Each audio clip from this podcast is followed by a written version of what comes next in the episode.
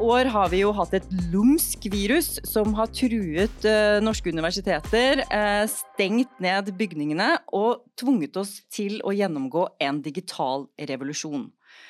Undervisningen foregår mer og mer over skjerm, og universitetene ligner kanskje mer og mer på mediebedrifter. Dette er Undervisningsplikten, og jeg er Gunn Enli, studiedekan ved Det humanistiske fakultet. I dag har vi fått besøk av to som representerer våre kanskje argeste konkurrenter, mediebedriftene. De som vil ta studentenes oppmerksomhet bort fra studiene. Som Norges største mediebedrift har NRK tatt det norske folk gjennom en teknologisk reise. Fra radio til nettavis, fra stasjonært til mobilt. Endringene har vært store. Fornyelser har holdt NRK relevant og omdiskutert. Velkommen til mitt kontor, kringkastingssjef Tor Gjermund Eriksen. Tusen takk, hyggelig å være her. Med 12 000 trykte opplag i året og 30 utgaver er Universitas Norges største studentavis. Studentmediene informerer, engasjerer og utfordrer, samtidig med at de bygger opp morgendagens kommunikatører. Journalist i Universitas, Hege Bellike Hansen, velkommen hit. Tusen takk. Før vi begynner inn på temaet her, så tenkte jeg å høre med dere. Bruker dere mobiltelefonen mye, og er det noen spesielle apper apper dere bruker mer enn noe annet? Altså som dere syns dere bruker for mye tid på? Jeg bruker mobiltelefonen mye og til mye forskjellig. Uh, holder meg oppdatert hele tiden, og så bruker man det jo Og da er jo jeg selvsagt veldig glad i NRKs tilbud, men jeg bruker et stort mangfold av medier. Uh, jeg bruker både min gamle avis Dagbladet og VG, og, og ikke minst lokalaviser. Men så bruker jeg jo også appen til mye i hverdagen. Alt fra bank til å låse opp bilen, til å betale parkering. Altså alt mulig. Og når jeg er på sjøen, så bruker jeg mobilen til å navigere etter. Uh, altså, det er jo rett og slett eh, blitt et, uh, et organ til vi har fått, som, som, jeg bruker til alt mulig. Hva med deg, Hege? Er du en addict? Ja, det vil jeg nok definitivt si at jeg er. Som veldig mange på min alder, så bruker jeg også, som deg, da, mobilen hele tiden, hele dagen. Eh, og faktisk, jeg merker jo det at det kan være veldig lurt å faktisk legge den helt vekk når jeg skal lese, og når jeg skal studere, og i forelesning. Det er veldig enkelt å det popper jo opp push-varsler, annet fra NRK, dagen lang, og det tar jo vekk oppmerksomheten, og det, så det er definitivt lurt å bruke den litt mindre. Og jeg er også, eksempel, en av de appene jeg bruker mest, og kanskje jeg burde bruke litt mindre tid på, er Instagram. Det, der bruker jeg altfor mye tid på å se på alt ifra liksom hundevideoer til å sende memes i diverse gruppechatter, og masse NRK P3-innhold for så vidt også, som vi sender fram og tilbake der. Så, men det bruker den litt for mye. Det gjør jeg. Ja. Men du får tid til å studere? Ja, det gjør jeg. Men uh, nå har jeg studert i Nå er jeg på femte året mitt her på UiO, så det Jeg har blitt ganske vant til det. Jeg vet hva som funker og ikke funker. Det jeg føler meg litt rutinert nå. Så du er en litt erfaren student. Hva med deg, Tor Gjermund, er du en erfaren student? Altså, har du ikke nylig satt deg tilbake på skolebenken? Jo, det, det er faktisk sant. Nå ble jo det også litt uh, dessverre påvirket av, av covid-19. Men uh, jeg skulle det første halvåret i år gå på Forsvarets høgskole, såkalte sjefskurset. Og det var rett og slett fordi at jeg uh, først er relevant for jobben min. Det handler om hvordan samfunnet skal møte kriser. Uh, samfunnets sårbarheter. Det handler selvsagt om uh, forsvar, forsvarspolitikk, som i dag ikke handler bare om kuler og krutt, men om å å beskytte systemer og, og troverdige medier f.eks. er jo en del av det. Eh, så det gleder jeg meg veldig til, sammen med andre ledere. Og vi hadde noen fantastiske uker. Og så skulle vi også vært på studietur eh, både til India og Kina. India kommer vi til, men Kina kommer vi aldri til. Så men det var for meg en Jeg, jeg har aldri følt sånn luksus jeg, som når jeg satte meg på skolebenken mm. eh, i januar. Eh, nå har jeg liksom tre-fire måneder foran meg som jeg kan eh, lære nye ting sammen med andre. Det var sånn skikkelig luksusfølelse, altså. Mm. Kjenner du deg igjen i dette, Hege? Er det noe av det samme du føler når du sitter på forelesninger? Ja, på mange måter eh, så vil jeg si det, men kanskje vi møter ikke så mange ledere og sånne ting, kanskje fremtidige ledere, men det jeg syns er veldig verdifullt med å studere, er jo at du møter utrolig mange forskjellige folk, og man lærer så utrolig mye av hverandre. Og det er også noe av det jeg syns er litt synd med måten undervisning foregår nå, da, at du får ikke de samme menneskemøtene, du, du, tar ikke den kaffen i pausen hvor du på en måte hilser på en ny person, eller du får ikke de seminarene som man vanligvis får, da, men det er det som er så verdifullt med å studere, at du møter faktisk så utrolig mange som du lærer mye av, og du vokser veldig mye på det, da, og det det kjenner jeg meg veldig godt igjen i. Det du beskriver der, det tror jeg gjelder enhver arbeidsplass også. Eh, eksempelvis i NRK da, så sitter jo veldig mange på hjemmekontor, og i våre så satt nesten alle som ikke var med i produksjonen. Og For at NRK skal kunne endre seg og at vi skal lære nye ting og liksom følge med i tida, så er man helt avhengig av de menneskelige møtene også. Det å lære noen som er skikkelig flinke i noe annet enn det du kan, og Det er ikke sånn at de møtene naturlig oppstår på Teams. altså. Og Jeg har noen ganger sagt at vi er veldig eh, Og Norge har klart seg bra, og vi har klart å komme bra gjennom denne tiden, og vi har blitt mer digitalisert. Det er mange gevinster av det. Men, men jeg sier, tenk hvis vi skulle begynne å, å bygge en bedriftskultur med 3400 mennesker på hjemmekontor.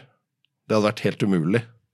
Uh, fordi at verdien av å kjenne hverandre, verdien av å se blikkene, uh, verdien av å lære av hverandre i alle de der små møtene hele dagen er kjempestor. Ja, vi går glipp av mye nå. Du merker jo det som student, Hege, at det er uh, mye av dette liksom, uformelle møtene med andre studenter og det å bli kjent, som, som dere beskriver. Men er det noe positivt også ved det digitale? Jeg vil definitivt si at det er jo positive ting vi går jo i en retning av en mer og mer digitalisert verden, det er jo ingen hemmelighet. Men på mange måter så kan det være bra at man tilpasser seg, og at studenter som kanskje ikke har mulighet til å være fysisk til stede i forelesning, da, som mange gjerne ikke har, da er det jo gjerne at man går glipp av det. Så det er jo bra at universitetene og skolene rundt om i landet blir mer digitalt omstilt, og at man kanskje har muligheter for å delta digitalt på seminarer, selv om man er hjemme, da. Eksempel hvis man er syk. Hvis man er så uheldig å f.eks. få korona, så er det jo fortsatt mulighet for at du kan ta del i undervisningen, da. Fordi én ting er forelesning, de blir jo gjerne tatt opp. Det er jo én ting, men seminarer hvor man faktisk utveksler meninger i mye større grad, du har diskusjoner med medstudenter, det er så utrolig synd å gå glipp av det, for det har veldig mye å si. Så det syns jeg er veldig, på mange måter veldig positivt, da. At uh, eh, UiO har blitt mye mer digitale der. Mm. Og dere to eh, som eh, kommer fra hvert deres eh, mediehus, hvordan ser dere på hverandre? Altså, begynne med deg, Gjermund. Hvordan er det på, i forhold til NRKs blikk på Universitas? Nei, men NRK har jo et, et stort oppdrag for, som er vedtatt i Stortinget, den såkalt NRK-plakaten. Og vi skal nå alle, og jeg pleier å si at kjernen i NRKs oppdrag kan kan eh, formuleres med at vi skal være en mangfoldig og raus fellesarena i Norge, som folk kjenner seg igjen, og legger stor vekt på mangfoldet i dag. At eh, de som hører til, skal også finne noe i NRK. Universitas har en helt annet oppdrag for studentene. Så, eh, og Det hender jeg leser det, og før leste jeg det. Og jeg tenker at Universitas er, et, er en sånn mediebedrift som der folk ikke er i 10 og 20 og 30 år, men det er et, en mediebedrift som er veldig interessant for NRK. For jeg vet at det er en del av våre flinke journalister som har begynt sin eh, karriere i, i Universitas, annet. Ja, for det er jo litt sånn utklekkingssted. ja, eh, og det er for, bra. ja, ikke sant. Så for journalister da, som eh, senere får jobbe i NRK, eller er det, eller er det andre steder du ser for deg å jobbe, Hege? Er, det, er NRK liksom det viktigste stedet man ser til, eller er det andre forbilder du har, eller andre mediebedrifter som er mer forlokkende i dag? Jeg vil si det at NRK er en veldig attraktiv bedrift for, uh, ja, for mediestudenter og de som jobber i Universitas. Det er jo en standard at uh, alle søker på sommerjobb i NRK. og like på samme måte som de søker til TV 2 og til Aftenposten og til VG og sånne ting. Men det som kanskje er det mest attraktive med NRK, er jo hvor stort det er, og hvor mange muligheter man har innad i NRK. Um, og det er, jo, det er, jo, egentlig ubegrenset med muligheter. Det er jo ikke bare en avis, det er jo ikke bare TV-kanaler, det er jo alt mulig. Det er jo konstant produksjon av nye måter å skape innhold på. For eksempel podkaster er jo ganske nytt nå. Og så har du, men du har fortsatt radio, som er på en måte det eldste, og så har du fortsatt TV-kanaler, så det er uh, definitivt veldig attraktivt for oss, det, det vil jeg si. Mm. Altså NRKs oppdrag vi, I første setning så står det at vi skal være med og og vi skal fylle sosiale, kulturelle og demokratiske behov. Ja, det høres jo eh, kanskje pretensiøst, men det er det som er oppgaven til NRK. Sørge for at vi har en debatt i samfunnet, sørge for at, at uh, ulike meninger kommer fram, uh, skape fellesopplevelser. Nå om dagen så tror jeg jeg kan slå fast at nesten alle i Norge har sett Førstegangstjenesten. Fordi jeg vet hvor mange som har sett det, og jeg vet at det ikke er så mange snart. det er mange millioner som har sett det. Eh, det er en felles eh, opplevelse, en felles refleksjon. Eh, det er relevant for folk i Norge. Det er Jeg tenker at det er grunnleggende for at Norge er et tillitssamfunn. og, så den, det, den, oppgaven har vi hatt hele tiden. Men hvis vi i dag skulle løst den bare med lineær TV og, og radio, eller enda lenger tilbake bare med lineært radio, så hadde vi vært totalt uviktige. hvis vi ikke hadde kunnet bruke nye eh, plattformer, nye kanaler, så hadde vi ikke nådd fram til sånn som deg, f.eks. Eller barna. Mm. Du og jeg var vant til barne-TV klokka seks om ettermiddagen. Det hadde ikke gått særlig bra i dag. Nei, det stemmer. Jeg vokste opp med barne-TV klokken seks, og det var jo høydepunktet og veldig Eh, det var veldig få muligheter til å få firkantede øyne. Men foreldrene mine sa det. Du må ikke se så mye på TV, for da får du firkantede øyne. Men tenk på i dag. Ja. ja, den fikk jeg jo, altså. Det får jeg fortsatt høre. Faren min han syns jeg er altfor mye på mobilen, så det, han tuller veldig ofte med det. Det er jo morsomt, fordi at uh, skjerm er jo noe annet i, i dag enn en med andre typer Altså sendetiden er jo ikke begrenset til en halvtime på kvelden med barne-TV. Det er jo non stop tilbud både for barn, ungdom og voksne. Og som du sier, NRK har bidratt til nyskaping og utvidet seg på nye plattformer og, og øker tilbudet. Eh, og det, det, er vel derfor også NRK fortsatt er aktuell, og også en attraktiv arbeidsplass for eh, folk som jobber i Universitas. Men hvordan ser eh, Universitas på NRK? Liksom sånn, hvor nyskapende er NRK egentlig, i dine øyne? Vel, jeg syns at NRK er veldig raske til å omstille seg. Så der vil jeg si at NRK er veldig nyskapende. Nå er det jo um, kanskje i forhold til det dere har på TV, så er det jo veldig mange programmer som eh, jeg husker fra da jeg var liten, som fortsatt går. Det er ikke nødvendigvis noe negativt, fordi jeg syns dere er veldig gode til å utnytte sosiale medier, og dere poster ting der som er veldig nyskapende, og som er veldig relevante for min målgruppe. Um, så det er på en måte både og. Jeg vil også si at det er viktig for NRK å bevare identiteten sin som uh, ja, den første medieinstitusjonen i Norge. Og jeg tror det er viktig for dere å ta vare på de tradisjonelle kanalene som dere har. Så det er jo mulig å omstille seg samtidig som man beholder det man har eh, bygget på hele veien.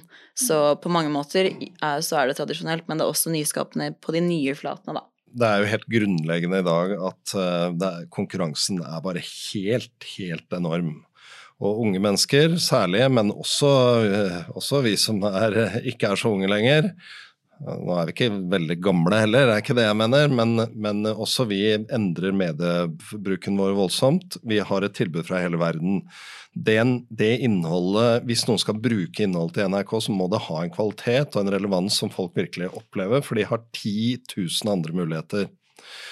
Men så peker du jo på Jeg vet jo litt om hvordan unge bruker NRK, selvsagt. For vi, og vi har, NRK har veldig høy tillit hos unge. De sier ofte at hvis jeg virkelig skal være sikker på at det er sant, så skal jeg gå til NRK. Men vi har samtidig en utfordring med å nå godt nok fram til unge og flerkulturelle i Norge. Nå er det nesten samme utfordring. Hvis man når ungt, så når man også flere, mer eh, bredere eh, når det gjelder i forhold til flerkulturelle, for den delen av vår befolkning er yngre enn snittet. Eh, sånn at det er ekstremt viktig. Nå går vi inn i et valgår, og da tenker jeg sånn Det er superviktig at NRK klarer å lage programmer om denne demokratiske prosessen som fører fram til et valg, som engasjerer unge. Eh, det er en kjempeviktig oppgave, så det kommer vi til å prøve. Å, å, men det er krevende, altså, for dere, dere er kjempekvalitetsbevisste. Og hvis det er noe det, dette her var ikke bra nok, så velger dere noe annet. Så unge bruker oss mindre enn eh, eldre, men NRK har fortsatt en sterk relasjon til eh, unge mennesker i Norge, altså. Mm, men det er konkurransen om de unge som er størst og mest intens. Eh, jeg er opptatt av de som er studenter, fordi det er vår målgruppe her på universitetet. Og de, sånn som Hege sa tidligere, så blir man jo avbrutt i studiene av push-varsler, bl.a. fra NRK. Er det problematisk? Er det noe dere burde tatt ansvar for som mediebedrift, eh, Tor Gjermund? Tenke litt på å beskytte studenter, sånn at de får eh, lest ferdig pensum istedenfor å følge med på oppdateringer om kanskje ikke alltid så viktige nyheter? Nå er det jo sånn at de fleste av de apparatene vi bruker, enten det er TV-apparat eller en mobil, er jo utstyrt med en av-knapp. Altså, jeg, jeg, tror ikke vi kommer virkelig langt hvis NRK skal liksom ta på seg rollen i å, bestemme bruken. Og dessuten, det er helt absurd eh, og naivt å tro at vi vil påvirke det, for du får, får det jo fra alle andre.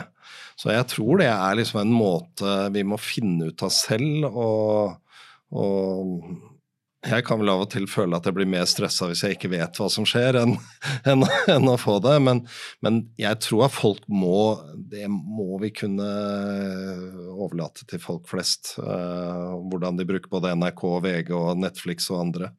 Barna er jo litt annerledes. Der har vi et foreldreansvar. Mm. Hva tenker du Hege, er det et ansvar eh, mediebedriftene bør ta, eller må vi ta ansvaret selv? Jeg tror det som student så vil jeg si at selvdisiplin er ganske viktig for å klare å studere godt, klare å studere lenge. Um, men selvfølgelig, det er jo Jeg tror det er viktig at mediene tar stilling til hvordan deres produkter påvirker eh, samfunnet. Det er jo altså det er produkter som er i konstant utvikling, og det er jo medievaner er jo noe som utvikler seg hele tiden, så det er jo ikke noe fasit på det. På samme måte som kanskje andre mer tradisjonelle produkter som er, har vært utviklet over lengre tid er. Så selvfølgelig det er viktig å ta ansvar som en produsent av slike produkter på hvordan det påvirker forbrukerne.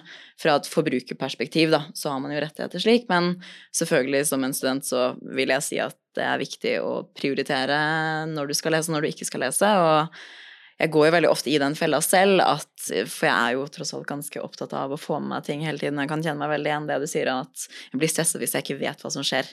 Um, og hvis det kommer opp et push-varsel, så trykker jeg på det med en gang. Jeg er, ikke, jeg er, ikke, den personen som liksom ser på det, og så legger jeg mobilen min fra meg. Jeg må jo på en måte vite hva som skjer hele tiden.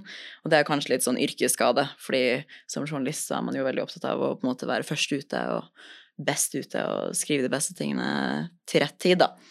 Men eh, ja, så det er på en måte Det er litt både og, vil jeg si. Så dere er jo nyhetsavhengige, eller altså liker å holde dere oppdatert til enhver tid. Eh, og det er en del av yrket deres også, ikke sant. Så det, det gir jo mening at, eh, at dere ikke, ikke, skrur av. Som Tor Gjermund sier, det finnes en av-knapp. Men det finnes også en sånn app som heter Hold, som man kan sette på mobilen sin for å kontrollere tid som man skal fokusere på, f.eks å studere, da. Er det noe noen av dere har tatt i bruk? Jeg eh, brukte den ganske mye før. Det jeg fikk meg en ny mobil for et halvt år siden, altså da har jeg ikke lastet den ned på nytt igjen, men den brukte jeg faktisk ganske, ganske mye. Den var jo veldig grei, fordi da kunne du tjene opp poeng og sånn. Så da kunne du få diverse ting som for eksempel en kaffe i kantina, eller liksom andre produkter fra andre bedrifter, og det var jo det tror jeg er en veldig god måte å få studenter til å bli flinkere til å studere. Og gi dem gratis ting. Det er ikke noe hemmelighet, det. Så den, den brukte jeg ganske mye før. Jeg hadde et sånn eh, virkelighetseksperiment i sommer. Vi skulle feriere hjemme, og da fant jeg og samboeren min på at vi skulle dra på telttur i Femundsmarka nasjonalpark. Så vi gikk langt inn i fjellet, og da var vi fire-fem døgn. Og der var det virkelig ikke dekning. Uh, og da, Det var jo litt deilig, men jeg var veldig spent når jeg kom ned gjennom hva som tikka inn.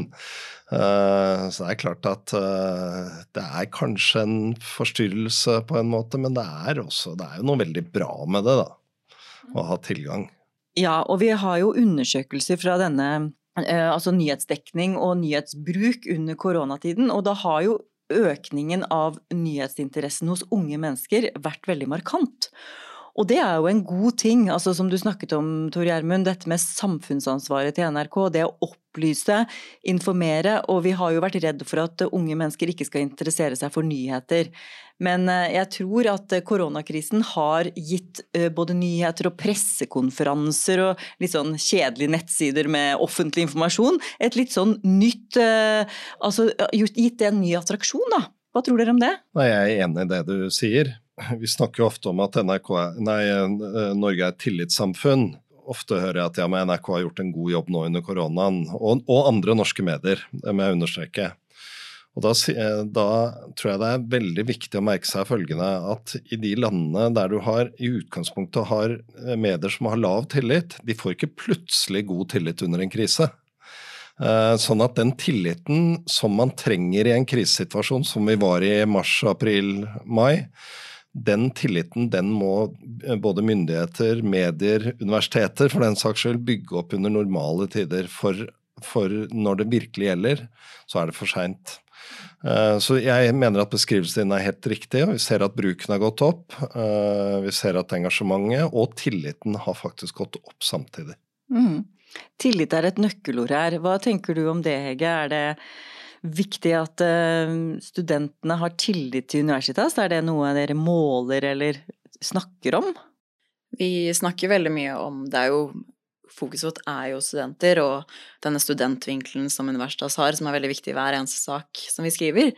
Og det er jo, det er jo noe vi Det er jo et mål vi har, at vi skal være noen som eh, studentene har tillit til, og det får vi jo Vi er jo Norges største studentavis, så vi får det jo til. Um, og det er jo Vi har veldig mange lesere, og sakene våre når jo kjempebredt, særlig nå. Vi har jo hatt et enormt løft i uh, ukentlige lesertall, som er veldig, veldig spennende, til og med i høstferien. Uh, kjempegøy.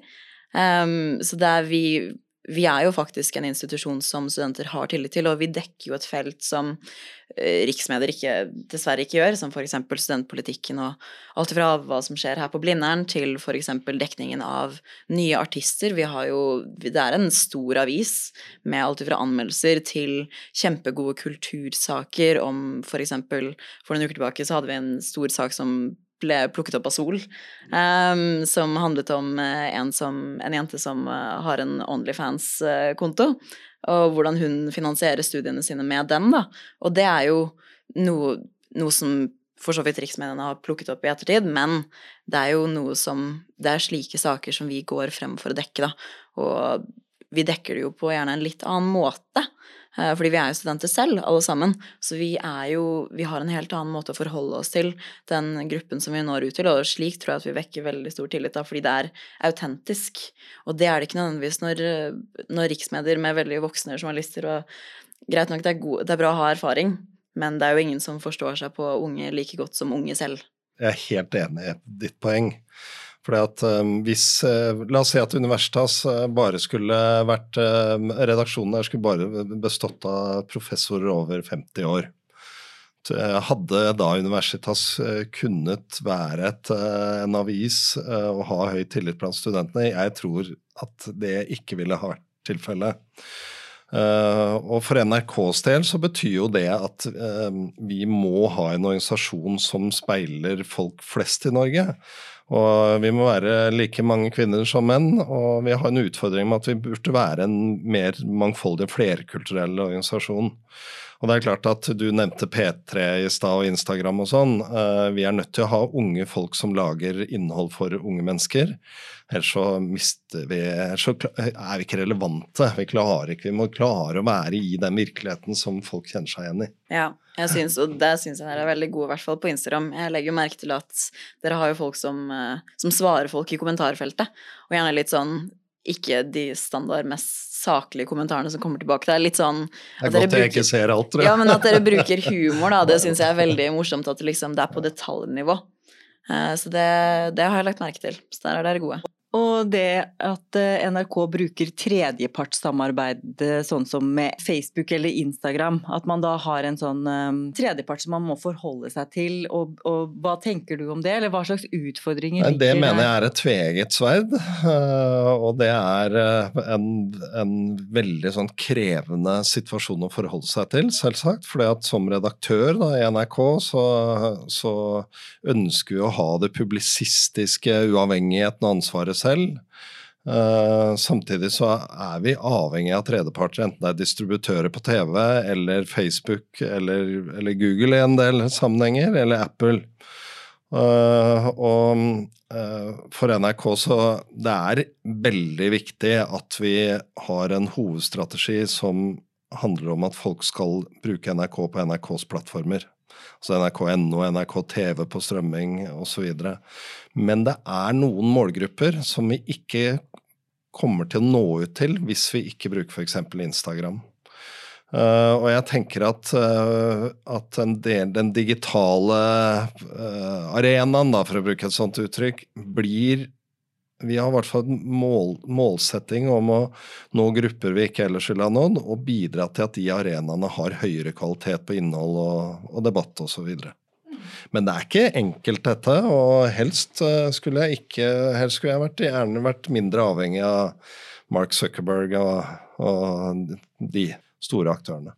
Ja, fordi eh, det er jo sosiale medier som er din inngang, regner jeg med, Hege. Når du leser nyheter og oppdateringer fra NRK, så er det ofte via Instagram og Facebook. Så de tredjepartene er jo en stor hjelp. Eh, ville det vært en idé at Universitetet i Oslo i større grad brukte disse kanalene, eller lærte noe av mediehusenes måte å appellere til dere studenter? Altså jeg spør fordi vi konkurrerer jo om unge menneskers oppmerksomhet. Uh, ja, det vil jeg definitivt si. Jeg tror at bedrifter og offentlig sektor generelt sett har mye å lære av hverandre. Og universitetet har um, Det er jo en gammel institusjon, uh, og den er jo ikke like digitalisert som, uh, som resten av samfunnet har blitt siste, den siste tiden. Um, og de siste årene, i hvert fall sånn som mediebransjen, har hatt en enorm omveltning de siste ti årene. og der tror jeg universitetet har mye de kan lære, men samtidig så tror jeg litt på samme måte som at det er viktig at NRK bevarer identiteten sin, så tror jeg også det er viktig at universitetet også bevarer identiteten sin som en utdanningsinstitusjon, og ikke prøver å bli noe den ikke nødvendigvis er. Så greit nok, man kan nok definitivt lære mye av hverandre, men jeg tror også det er viktig å ha et fokus på å ikke modernisere seg bare for å modernisere seg. Litt sånn det skal være god grunn til å gjøre de valgene man tar, da. Men selvfølgelig, hvis man blir bedre til å bruke f.eks. Snapchat og Instagram og Facebook, så er jo det bare en god ting. Um, men selvfølgelig med måte, da. Hva tenker du Tor Gjermund, har universitetet mye å lære her av uh, måten NRK snakker med unge mennesker? Helt sikkert, men jeg er helt overbevist om at vi har ting å lære av universitetet også, og det miljøet som er her. En tidligere kringkastingssjef sa til meg en gang at før, for 20-30-40 år siden, så kunne vi bare se til BBC, og så gjorde vi det de hadde gjort, fordi at de var alltid først med å gjøre det siste nye. I dag så er ikke verden sånn at du har én aktør som er best på alt mulig lenger. I dag trenger alle aktører å hente inspirasjon og, og kunnskap da, fra andre. Så en, en, organisasjon, en institusjon som i dag ikke som ikke har som målsetting å være mer åpen, kommer ikke til å lykkes.